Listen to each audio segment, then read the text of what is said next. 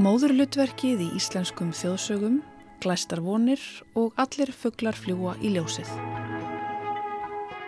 Á dögunum kom út skaldsagan Glæstar vonir eða Great Expectations eftir breska 19. aldarriðtöfundum Charles Dickens. Þessa frægu bók sem Dickens skrifaði á árinu 1860 og 61 hefur Jón S.T. Kristjánsson þýtt en mál og menning gefur út. Að því tilöfni verður Átni Mattíasson bladamadur á morgumblæðinu gestu þáttarins en Átni hefur lengi dáðstað verkum Dickens, lesið allar bækur höfundarins og kann vel að meta nýju þýðinguna. Þjóðsugur geta sagt okkur margt um þau samfélög sem þær tilheyra og endur spekla á vissan hátt þann hugmyndaheim sem þær spretta úr. Í þeim á til dæmis sjá að staða konunar á síðustu og þar síðustu öld var inn á heimilinu og að móðir, upphafinn og hrein tákmyndin skóða. Þetta áttu þá einungis við um giftarkonur og giftarkonur áttu ekki að egna spörn. Dagrún Ósk Jónsdóttir, þjóðfræðingur, saði frá því hvernig þessar hugmyndir byrtast í íslenskum þjóðsögum í erindi á nýðlinum þjóðarspekli. Dagrún Ósk verður gestur þáttarins í dag. Auður Jónsdóttir gaf nýverið út skáldsöguna Allir fugglar fljúa í ljósið. Gauti Kristmansson hefur lokið við lesturinn og segir sína skoðun í þætti dagsins. En þá höldum við í gamlan kirkjögarð, einhver tíman um miðja 19. öldina. Hallt þeir saman, þrumaði ægileg rött og maður spratt upp á milli legsteinana við hlýðartir kirkjunar. Hafðu hljótt, litli skratti, eða ég skerði á háls. Voðalegur maður í gráu, grófu tögi með stórt fótajárn. Hattlaus maður í ripnum skóm og með gamla dulu vafðaðum höfuðið. Maður sem var gegndrepa og kafin leðju og lamin grjóti, skorinn eggjum og stungin nettlum og rifin þyrnum. Maður sem haldraði og skalf og urraði og yldi sig og með tennur sem glömröði í skoltinum þegar hann greip undir höku mína. Ó nei, ekki skera mig á háls, baði ég í ángist. Ekki gera það, herra. Segð mér hvað það heitir, saði maðurinn. Snakkur. Pipp, herra.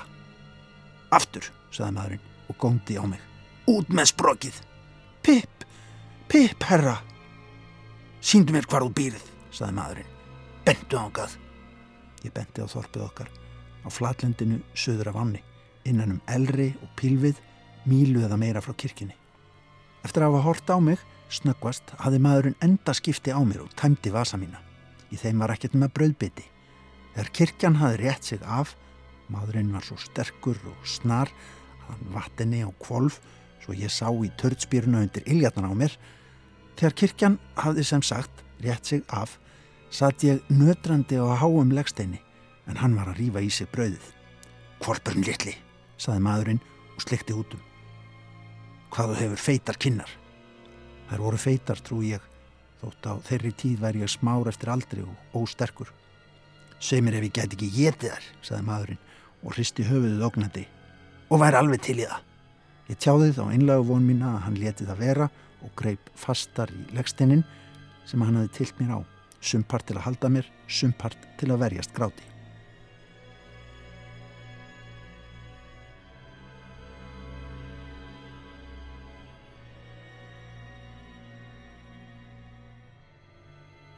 Þarna hittast þeir í upphafi sögunar glæstar vonir, þeir Philip Pirrip, yfirleitt kallaður Pip og Strókufangin í kirkjugarðin, maður smá eftir að hafa áhrif á æfi og framgang Pips í lífinu. Við erum að lesa upp úr fræri bók Charles Dickens Great Expectations, Glæstar vonir sem að kom út í skömmtum frá 1. desember 1860 og fram í ágúst 1861. Hún var síðan gefin út í oktober það ár í þremur bindum. Þessi frægarsaga er nú komin út frá máli og menningu. Jón S.T. Kristjánsson þýtti söguna og reytar eftirmála með henni. Fengum til okkar sérlegan áhuga mann um Charles Dickens og verk hans, Átna Mattiasson, bladamann á morgunblæðinu mbl.is. Hann hefur lesið allar bækur Charles Dickens og heldur mikið upp á höfundin.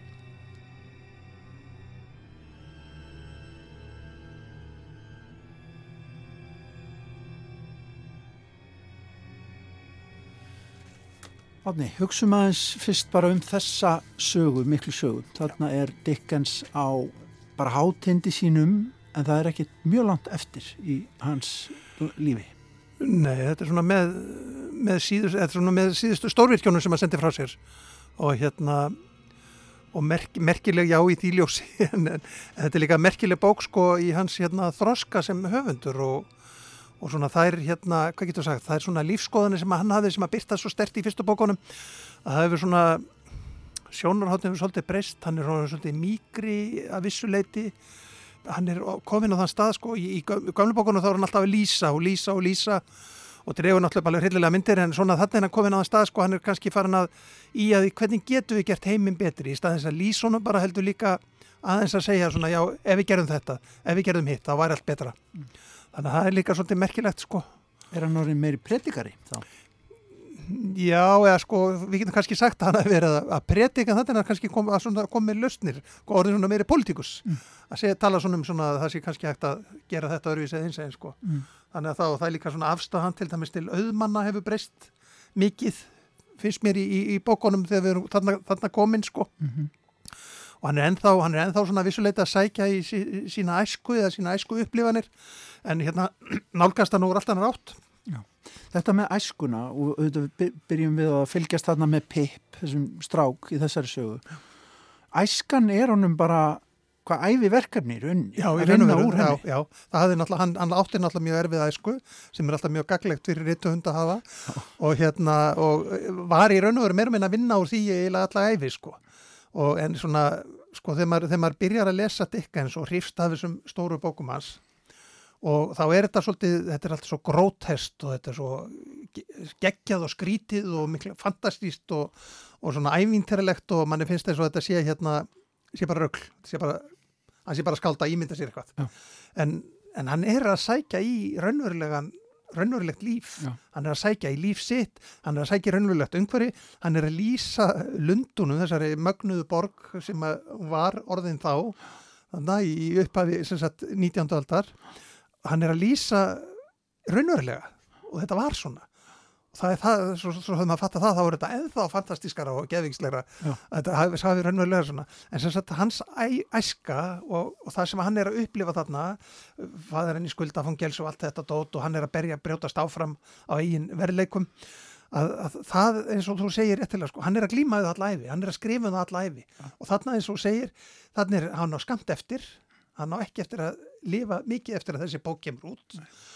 hann er enþá að sækja í askur sína Við tölum stundum um að eitthvað sem dikken síst hvað er átt við með? Já, það er náttúrulega við erum að tala um hérna fjálmarkar fyrðulega personur sem er, sem er svolítið hans aðal.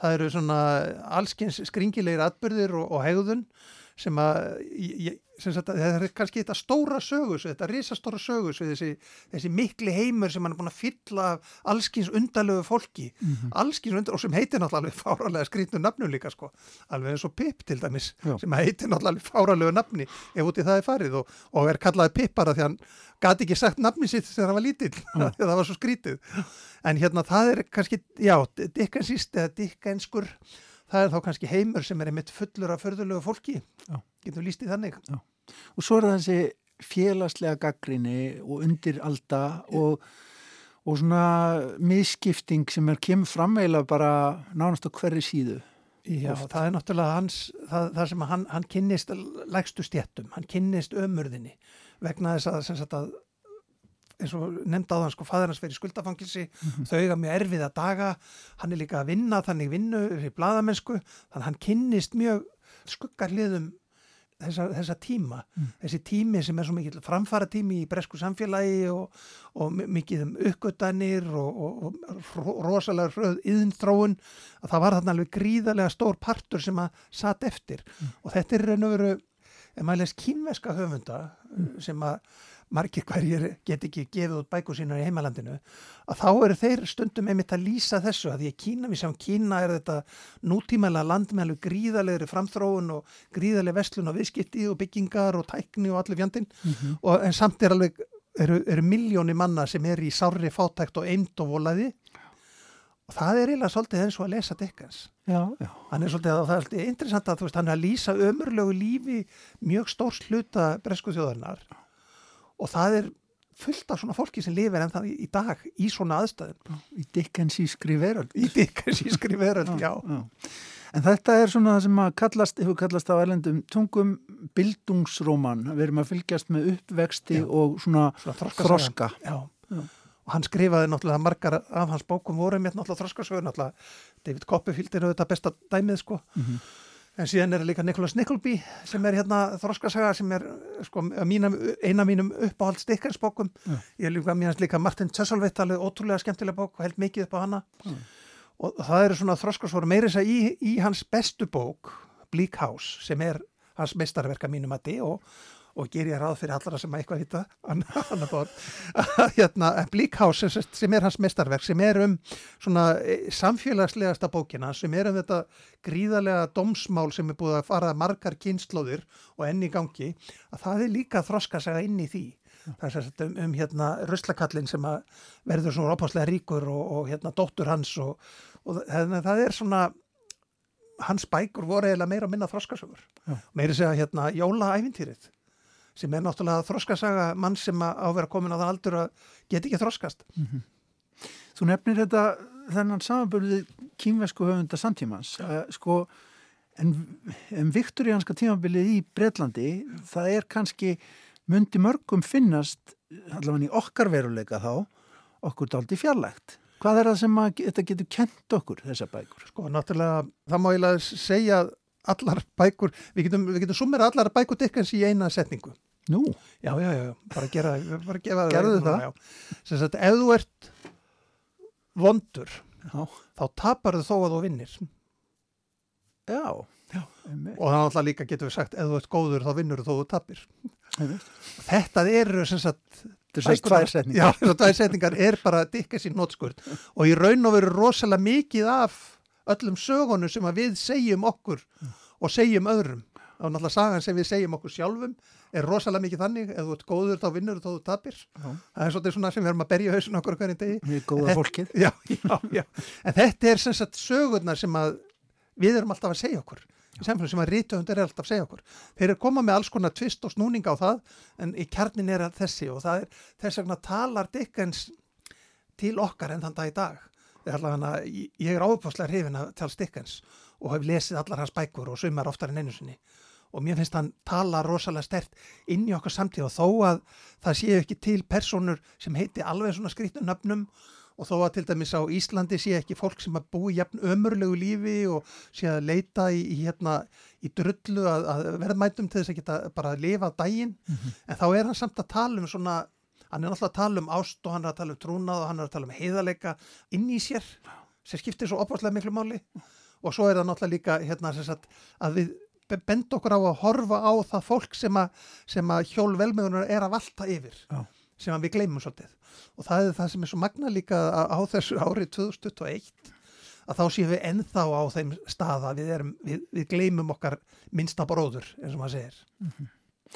Sko þessi bók er skrifuð þannig að hún er skrifuð í köplum, hún er skrifuð fyrir útgáfu í blöðum í raunni og það, hann gerði þetta oft og, og þetta er auðvitað 19. aldar mótil, rússatning gerði þetta líka um, en hann brást oft við viðbröðum, er það ekki? Hann, hann gefur þetta út í köplum, svo kemur eitthvað, eitthvað svar á það út í lesendum og hann, hann tíkar aðeins til. Já, þetta er náttúrulega, náttúrulega frábæð leið til þess að, og það er nú, menn hafa gert þetta einmitt núna, eins og bendilegtir í Lúslandi, þetta verið gert líka í Breitlandi, Alexander McCall Smith sem er nú hérna mjög vinsat löfundur, hann var með svona sögu. Að skrifa þannig að hver kapli þarf að enda með það sem ég kalla cliffhanger? Til þess að verður að lesa næsta. En svo voru náttúrulega bækuna teknar og, og hérna, aðeins slýpaði til til þess að, eða kaplandi teknir Já. og aðeins slýpaði til til þess að gera bók.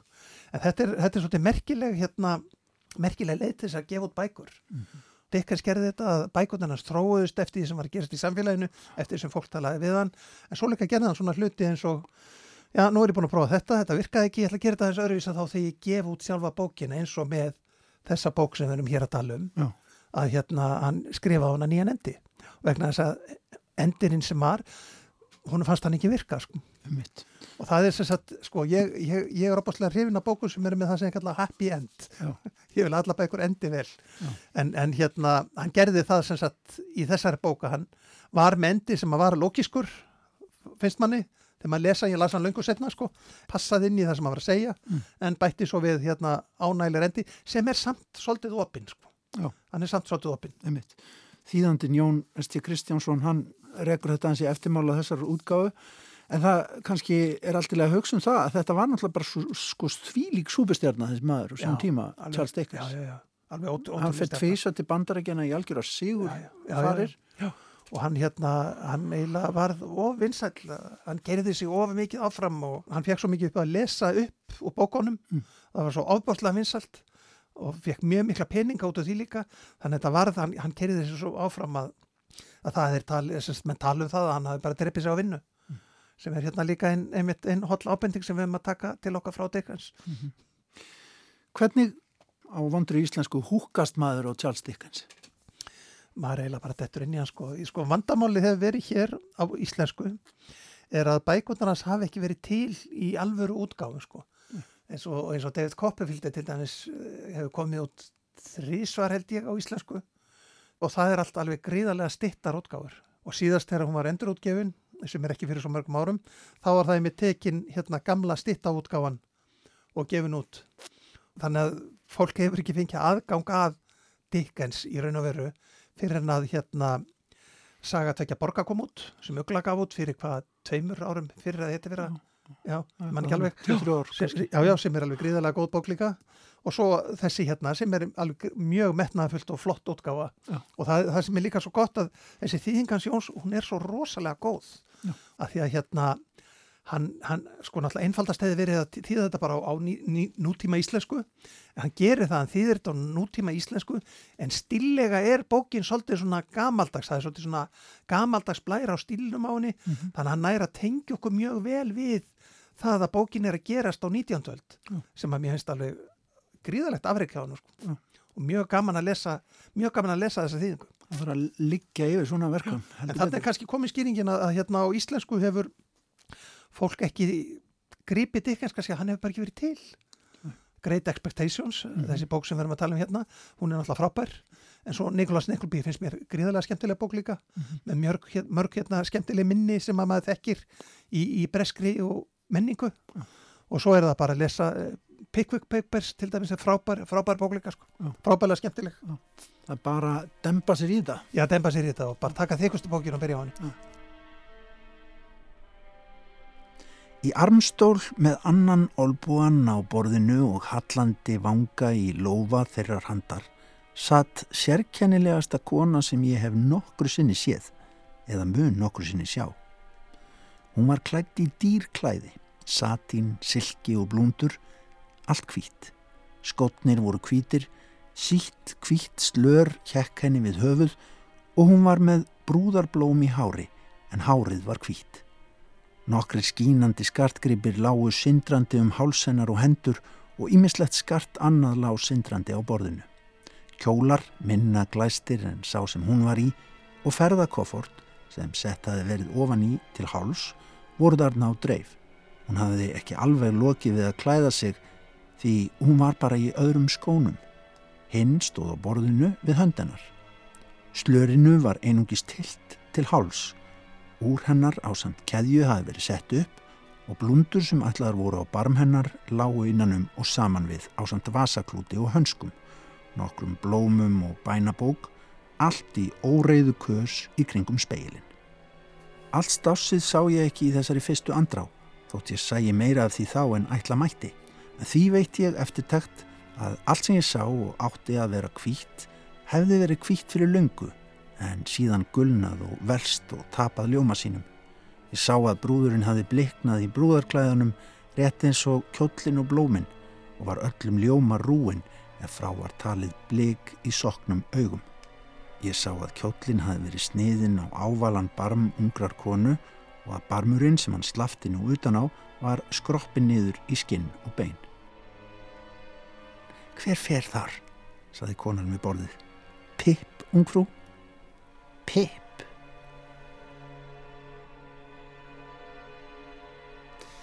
Þessi bókunum er rosalegt magn af karakterum um, og margir ansi skrautlegir. Og þú ert að segja að hún sé mjög dickensíansk. Já, já, ég er að minna það, ég er að minna það. En til dæmis uh, Ungfrú Havisham og, og, hérna, og, og Estella sem er náttúrulega hann er ástfangin af, Já, já. Pip verður, verður ástfangin af. Með þess Havisam, svo senna, þar sem hún situr hérna í og og með kökun og allt, allir þekkja þetta, Mm. en vita kannski ekki hvaðan það er komið.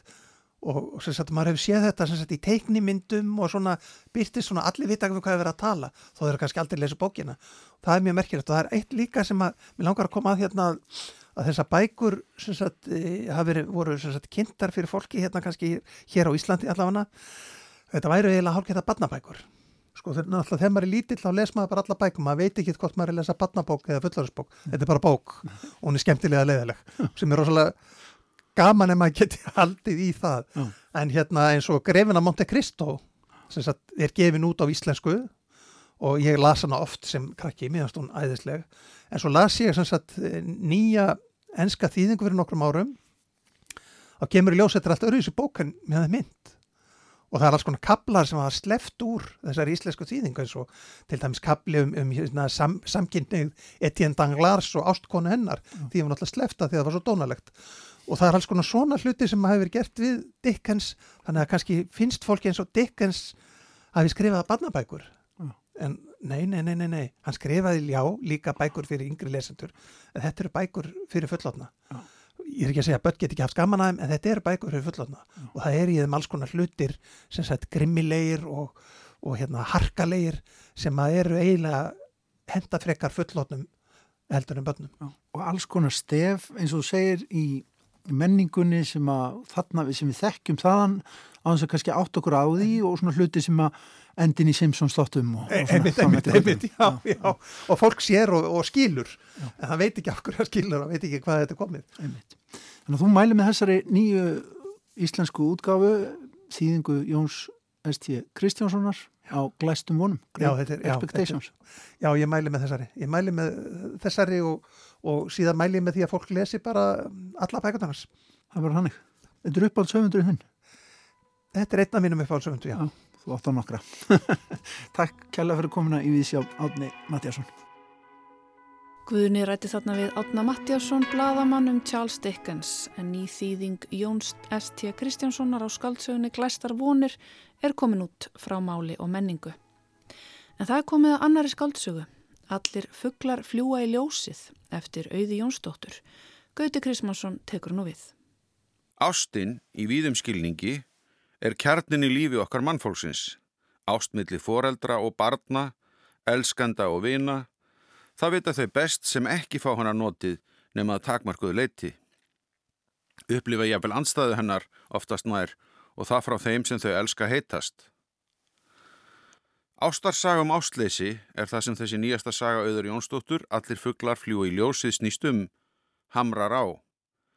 Björn þeirri kona komin úr sambandi við lífið, við ástina. Hún hefur tekið upp á því að ráfa um götur Reykjavíkur og skrásetur nokkus konar myndir af fólki í umhverfinu. Fólki sem hún þekkir ekki og vill helst ekki tólka neitt frekar. Hún vill einungi skrá það sem hún sér. Í fyrstu dettum hann í hug Flandarinn sem Edgar Allan Poe kynnti til sögu og franska skáldi Charles Baudelaire og síðar þýski heimsbyggingurinn og menningarinn Walter Benjamin tólkuðu sem byrtingarmynd nútímamannsins. Postmodernista tóku þessa fíguri síðan mjög upp á arma sína upp frá þeim síðastnemda eins og svo margt annað. En þessi saga er ekki beinlinis um það þóttu nýti sér þetta leiðarnóða. Söguhetjan ráfar eins og sagtir í verkinu einmitt vegna þess að hún er ekki lengur þáttakandi lífinu, í samfélaginu. Sagan leiði síðan smátt og smátt í ljós, ekki síst með ófyrirsjánlegri vendingu í lokinn, vendingu sem hefði átt að vera fyrirsjánleg en er það ekki. Hvers vegna hún björt misti sambandið við lífið en hún skýrir ráf sitt sjálf svona. Til að finna að skinnjun mín væri raunveruleg fór ég að skrá niður atverðli og útlitt fólks sem mér hafði orðið starfsýnd á. Ég fann að ef ég ætlaði mér að lifa frekar að mestlast upp, þá geti ég það aðeins með því að skinja aðrar manneskjur. Þráin eftir mennskunni lifir þráttur í fjallaðaþörfuna sem við sjáum að á sér rætur í áfalli eða öllu heldur röð áfalla í lífi einnar mannesku. Ástarþráinn gengur í gegnum söguna í öllu ástleysinu, fyrirsögnanast hvers einasta kapla hefst orðinu ást, en um leið virast margar, ef ekki flestar sögupersonuna, algjörlega ófærrum að elska. Eða elska á þann einfalda hátt sem við ímyndum okkur oft, uppfrættum hamingju ástarinnar sem ævintýrin lofa okkur til æfi loka. Þannig er það auðvitað ekki og við það bætist í á þessum personum að þær komur vannvirkum fjörskildum, hafa upplifað skilnaði, svig, ofbeldi foreldra og eða maka. Að sumu leiti er sagan áfellistómur um oftrú okkar á ástina og ekki síðu þann skada sem foreldra geta valdið börnum sínum með ástleysi og stundum hreinu ofbeldi. Hér eru karlar ekki einu gerendunir þótt konur séu oftast næður fornálömpin. Þótt viðfangsefni sé eins og hér er líst er þetta ekki neinn me too yfirlýsing.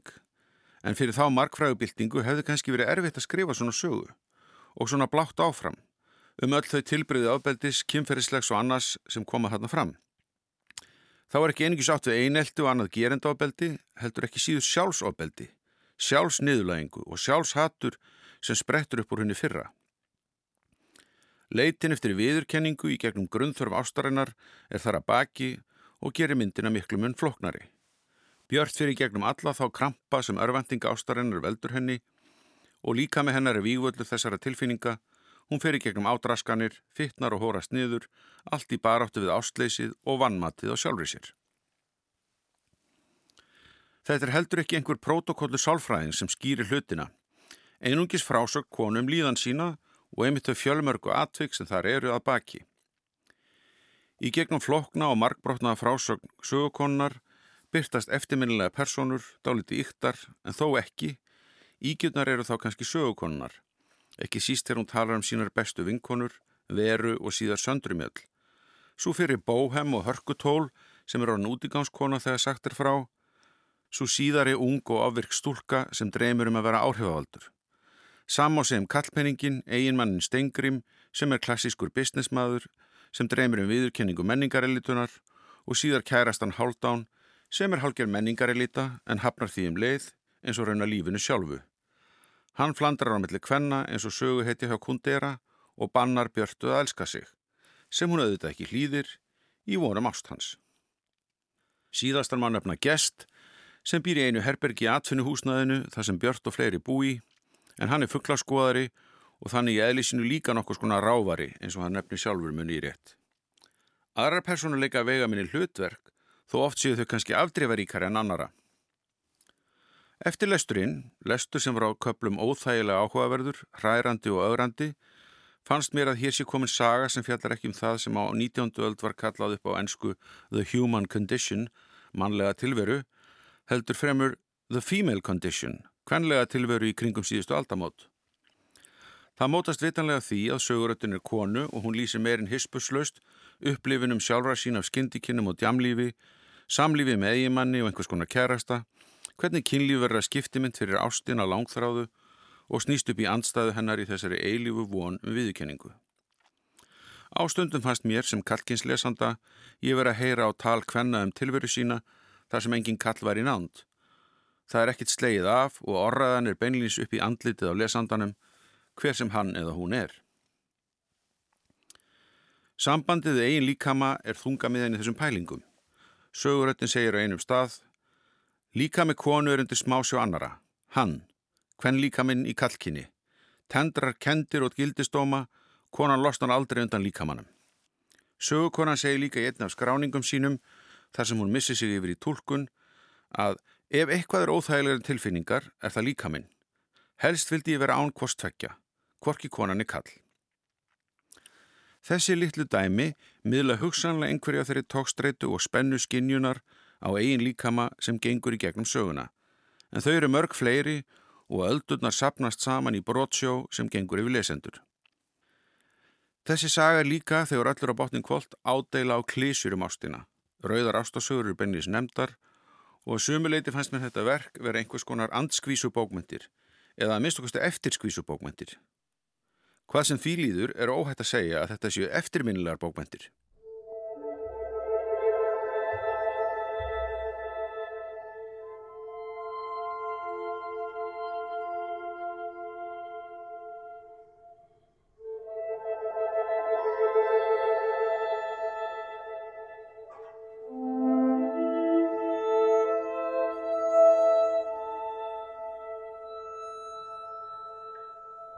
Dagrún Ósk Jónsdóttir, þjóðfræðingur og kennari við Háskóla Íslands, flutti áhugavert erendi á nýliðnum þjóðarspekli. Erendið fjallaði um móðurhlutverkið í íslenskum þjóðsögum og fjallaði Dagrún sérstaklega um konur sem að brutu gegn ríkjandi hugmyndum um móðurhlutverkið. Þjóðsögur eru þetta alltaf áhugaverðar og skemmtilegar en kannski ekki síst þegar við fáum nýtt sjónarhort sem að varpar ekki bara ljósi á þann samtíma sem að það sprutt úr heldur líka okkar samtíma. Vertu velkomin í Víðsjá, Dagrún Ósk. Takk fyrir.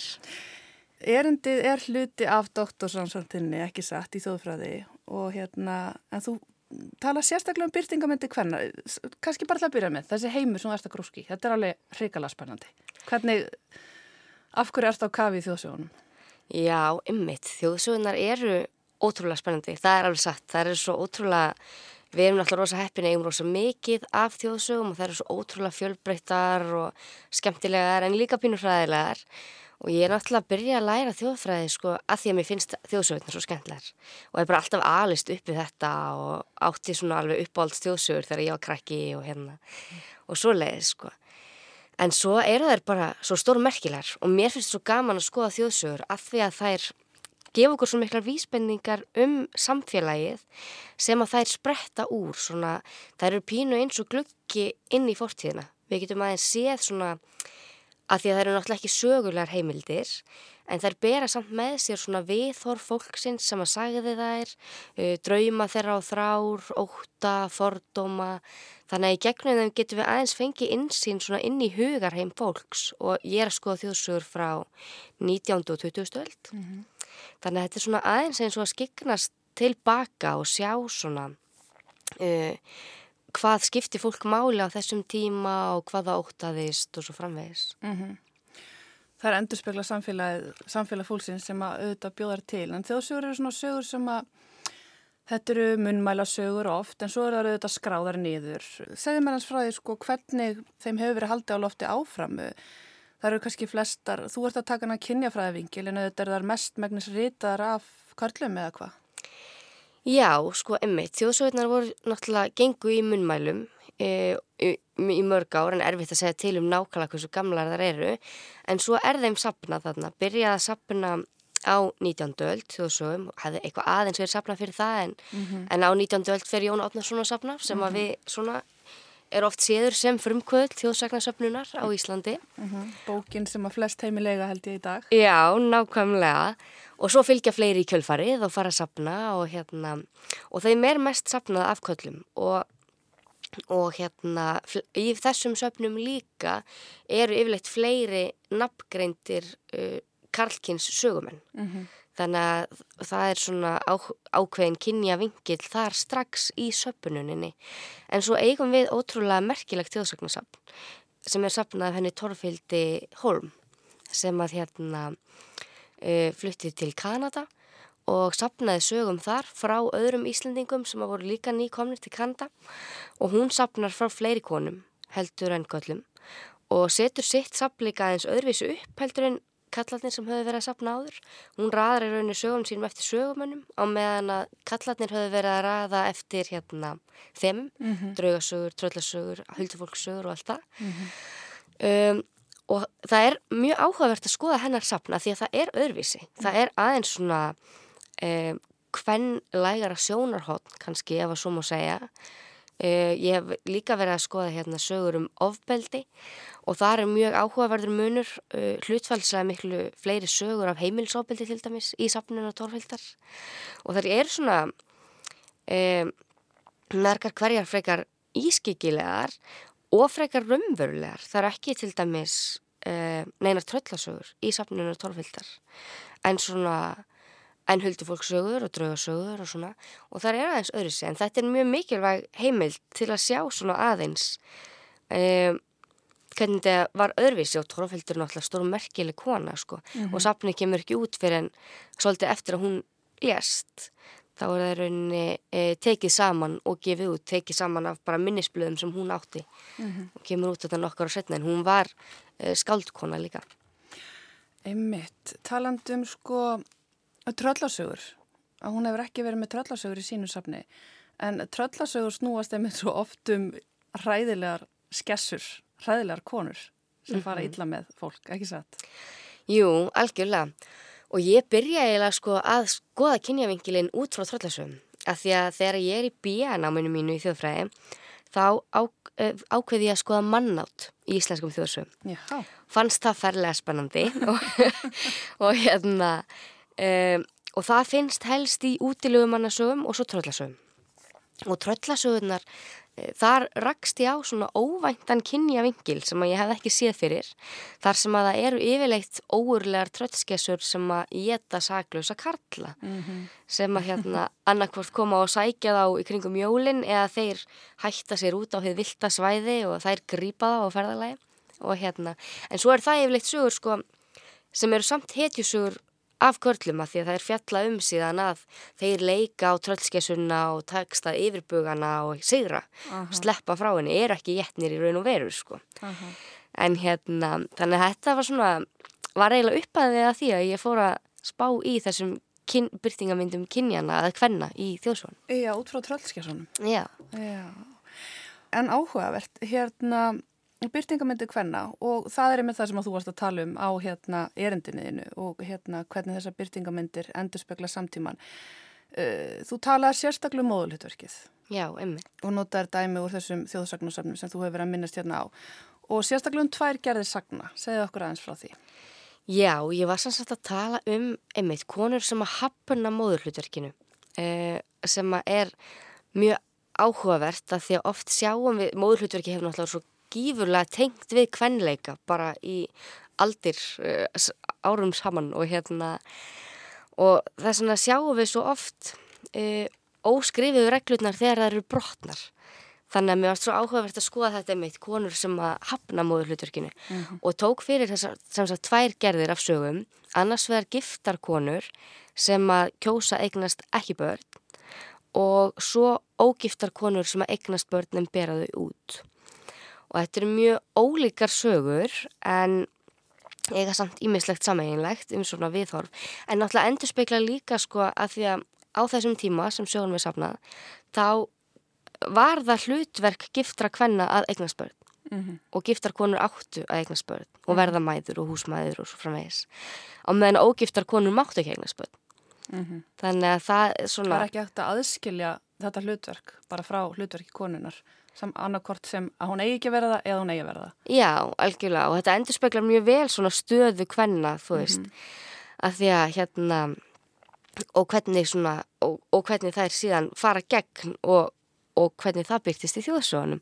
Að því að þjóðsögur virka líka uh, þær sem kenna okkur líka hvernig við eigum að hegða okkur. Mm Það eru rauninni svona stjórntæki að ykkur leiti. Já, algjörlega og þær eru það og bera með sér bóðskap, þú veist, ef að maður hegðar sér vel í þjóðsugu þá fær maður, er manni ríkulega launað fyrir og fær einhver verðlaun og hérna og það er, og sýnir manni að þetta var vel gert en aftur á móti ef að maður brýtur gegn þessum ríkjandi hugmyndum þá er manni yfirleitt refsað Mm og hérna heppinist fyrir að hafa, að hafa farið gegn ríkjandi viðmiðum samfélagsins og svo framvegis. Akkurat. Getur þú nefnt okkur ykkur dæmi um uh, giftar konur sem ákvaða eignast ekki börn?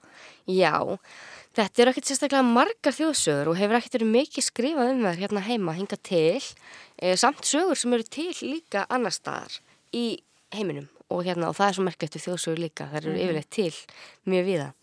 En þetta eru sem sagt sögur sem að segja frá konum sem að eru giftar og vilja ekki eignast börn og svo fá þær gefins oft pils frá hérna annari konu, sér eldri og reyndari yfirleitt eða vinkonu og pilsið er þeirra náttúru að þegar þær eru í því þá munu þær ekki verða ófrískar.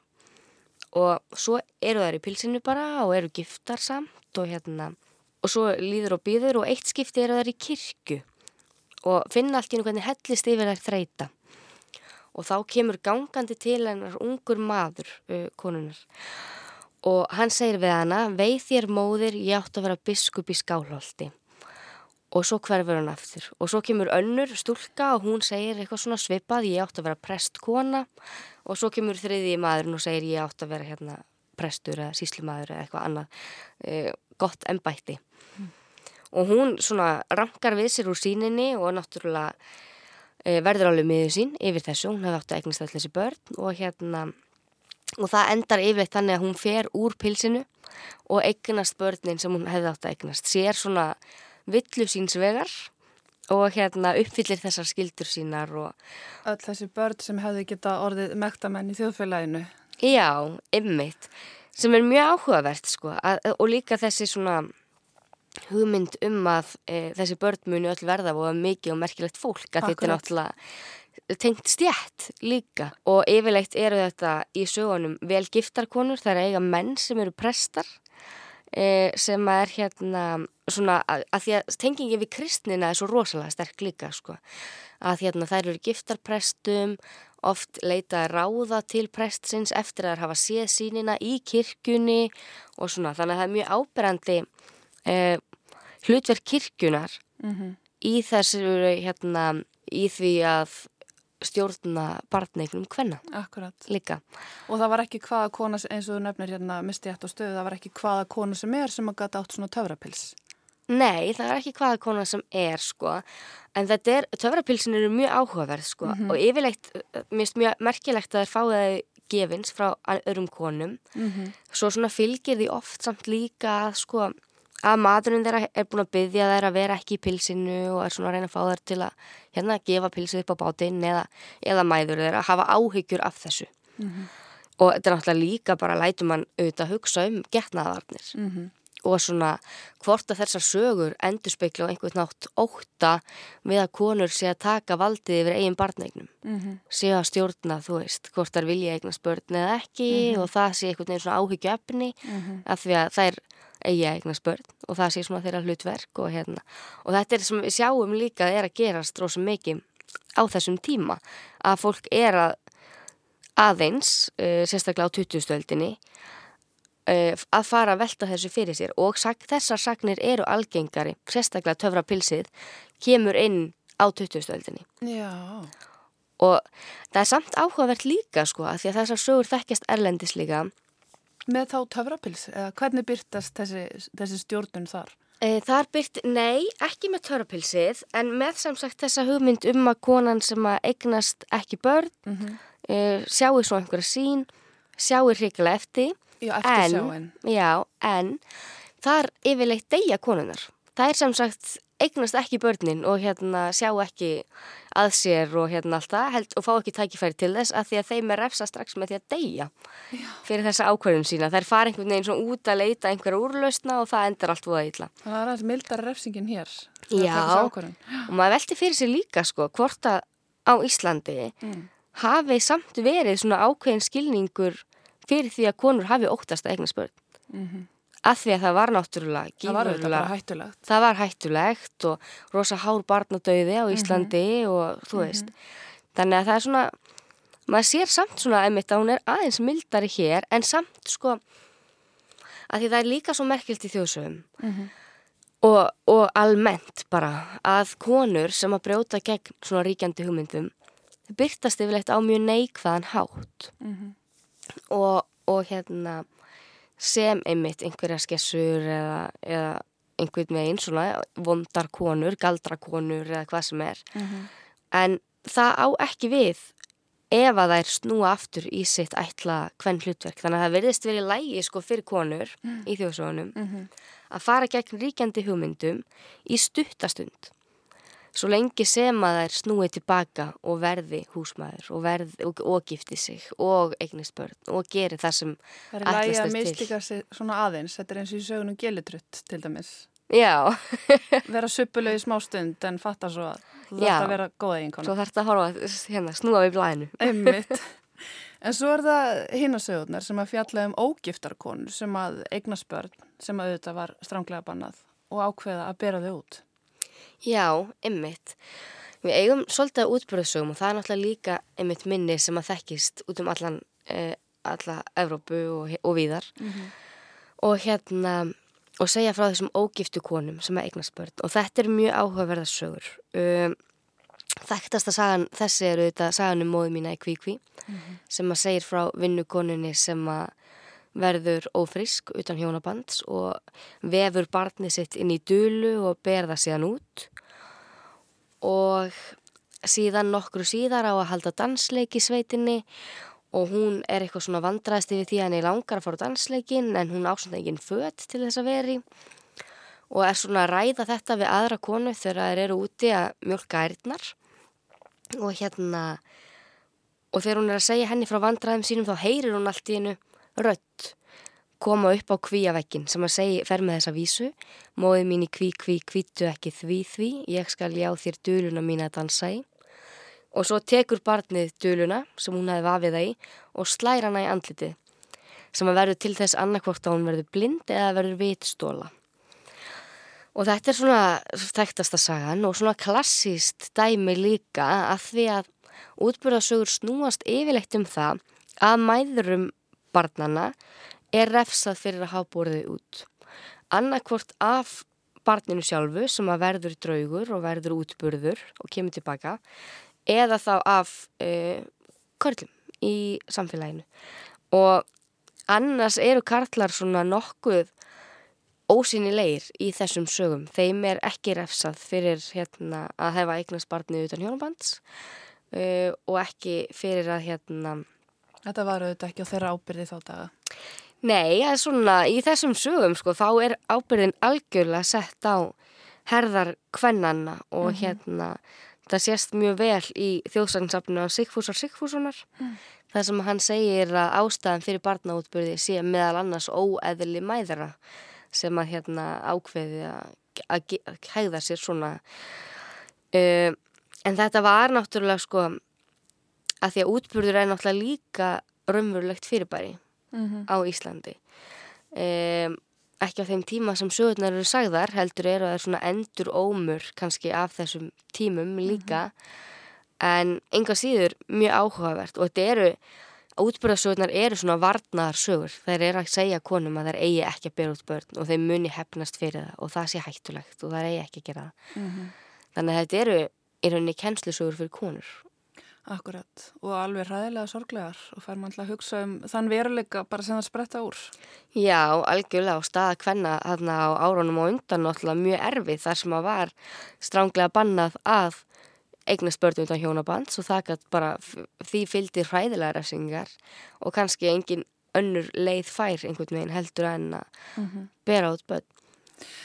Það er alveg magnað að rifja þetta upp og í rauninni sko þegar við tölum um, þú myndist þérna á í upphafi Eh, þessa byrtingaminn, hvernig konan byrtist á þessum tíma sem sko auðvitað stað hennar en á heimilinu bara en við vitum það, en hún er líka sko svo dýrlingakent, hún er svo upphafinn og hrein og fögur og, og tær þessi móður ímynd og er mann til að hugsa bara, er þetta ekki eimir ekki enþá af þessu dag? Jú, algjörlega. Og mikið sem maður getur séð þú veist í þjóðsónum sem, sem byrtist okkur enþá í dag. Og núna er í gangir og svo mikla rannsóknir mitt e, í þessari málstofu sem ég var að tala um inn á mm -hmm, þjóðarspeklinum mm -hmm. var einmitt verið að tala um þetta konur í dag sem að kjósa eignast ekki börn eða, eða konur sem að sjá eftir að hafa eignast börn og, og svo framvegis og bara stöðu hvenna í þessu móður hlutverki að því að þetta er voða ríkt ennþá getur maður séð Já en þannig að í dag verðast konur sem að kjósa bara að lifa með sjálfum sér og eignast ekki börn vera litnar hotnöfa Já, þetta er svona... Og sama hvað átti, þú veist, það fyrir þetta eftir átti í heiminum, en ég menna, það er bara staðan. Já, algjörlega, það þykir einhvern veginn svona óvenjulegt og, og já, hérna... Skrítið bara, kannski. Já, fólk leitar að einhver svona ástæði, að hluta við einhver ástæði fyrir akkurat, þessu og eitthvað svona, frekar heldur um bara að konur vilja ekki. Akkurat.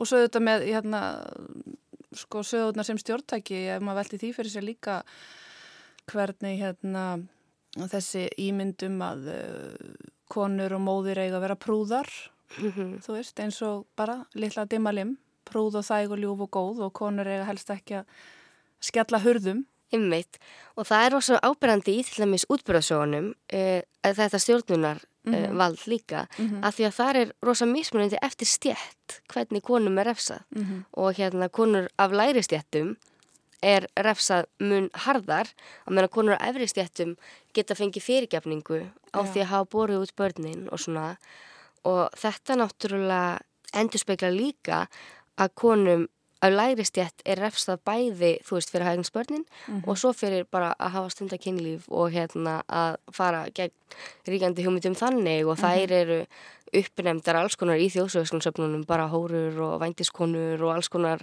sérstaklega hjá Sigfúsi Sigfúsinni en hérna, þannig að þetta er, þú veist eh, algjörlega sem svona stjórnunar tæki já, já. mjög stert líka og þú veist og allar þessar hugmyndir náttúrulega líka er, er búið að vera vinda á undanförnum árum bara með, þú veist, druslugöngunni og öllu því, þú veist. Það eigi mér svo sannlega en það að þessu. Ég var nú bara síðast í gæra að lesa frétt um það að kona látist í Pólandi að því að henni var neitað um þungunarof.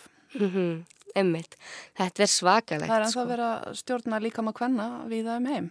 Já, algjörlega. Og þetta með sko þungunarrofið og hérna útbyrðasögurnar er líka mjög merkilegt að því að svo oft er refsingin svona andleg eins og í söguna móðminni kvíkví þar sem að hún verður vitstóla svo eru til sögur þar sem að konur hætta sig á sólina í fjölda ára sem að teng, maður tengir náttúrulega bara við alls konar deburð og þunglindi, Þunglyndi, og svona.